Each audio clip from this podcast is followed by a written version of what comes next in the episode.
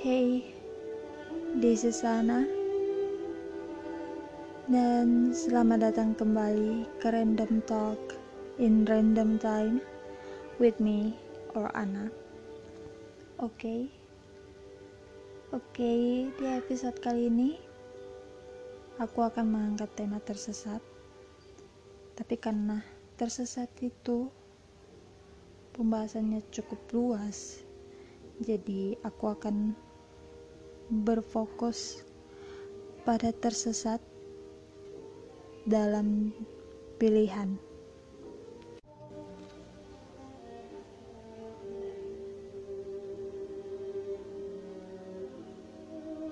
Seperti salah satu kalimat dari buku Stephen Covey,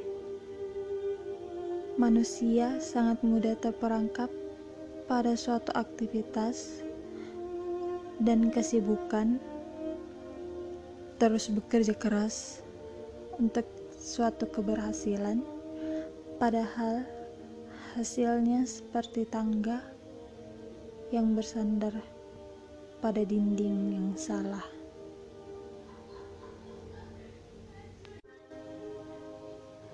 Stephen Covey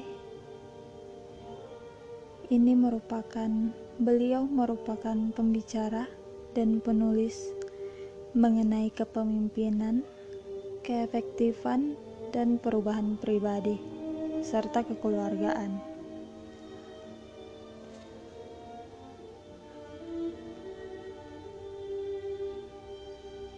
Dalam mencari jati diri,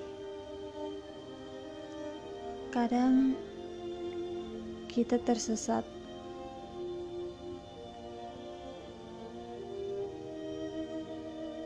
walaupun tersesat, jika kita tidak menyerah dan tidak putus asa, itu tidak apa-apa. Tapi, tapi, beda lagi ceritanya kalau tersesat di bidang bisnis. Kalau kamu tersesat di, di dalam bidang bisnis, kamu akan bangkrut jika tersesatnya. Jadi harus hati-hati. Tersesat juga mengakibatkan seseorang melakukan hal dengan setengah-setengah karena dari awal hatinya sudah men menanyakan apakah jalan yang aku pilih ini sudah benar atau salah dan alasan lainnya karena merasa tak cocok dengan pilihan itu. Padahal dalam hidup itu tidak ada kebenaran yang mutlak. Karena bisa saja kebenaran yang kita yakini ternyata sesuatu yang salah.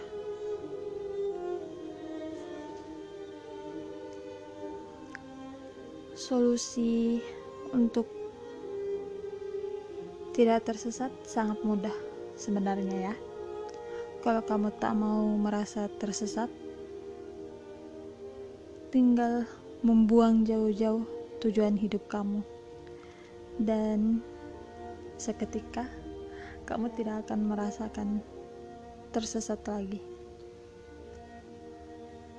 Bagaimana mau tersesat kalau tujuan hidup aja nggak ada?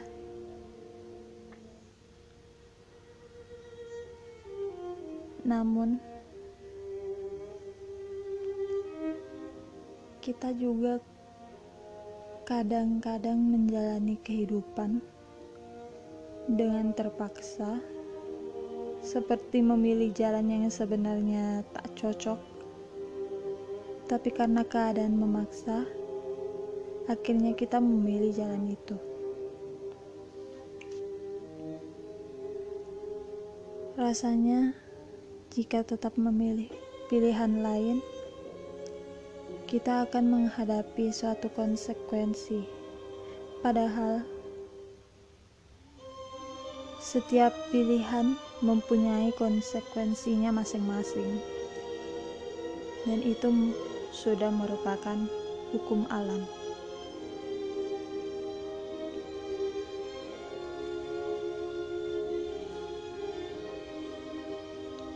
Anak muda zaman sekarang karena tak mau menghadapi konsekuensi, mereka memilih untuk tidak melakukan apa-apa. Termaksud aku dulu. Jadi, hidup tuh hanya mengikuti arus saja. Padahal kalau ngikutin arus, ngikutin arus aja itu untung-untung kalau arusnya membawa kita ke jalan yang benar. Kalau di bawah ke arus yang salah, sangat malang kita.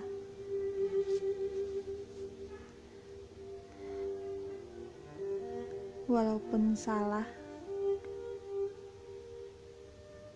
kita harus sadar kalau itu sudah di luar kendali kita.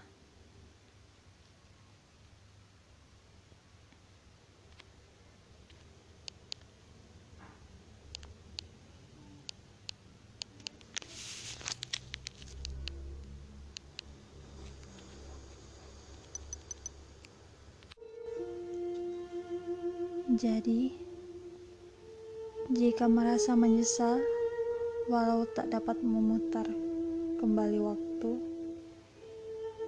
dan membatalkannya dan membatalkannya yang harus kita lakukan adalah mengakuinya memperbaiki dan belajar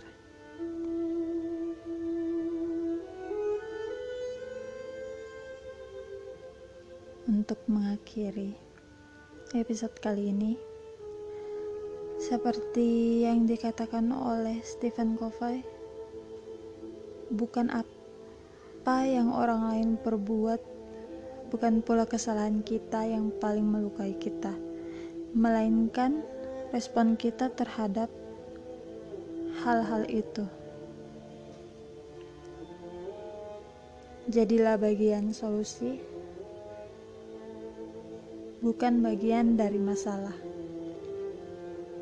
Sampai jumpa di minggu depan, di hari Sabtu, di hari yang sama. Goodbye.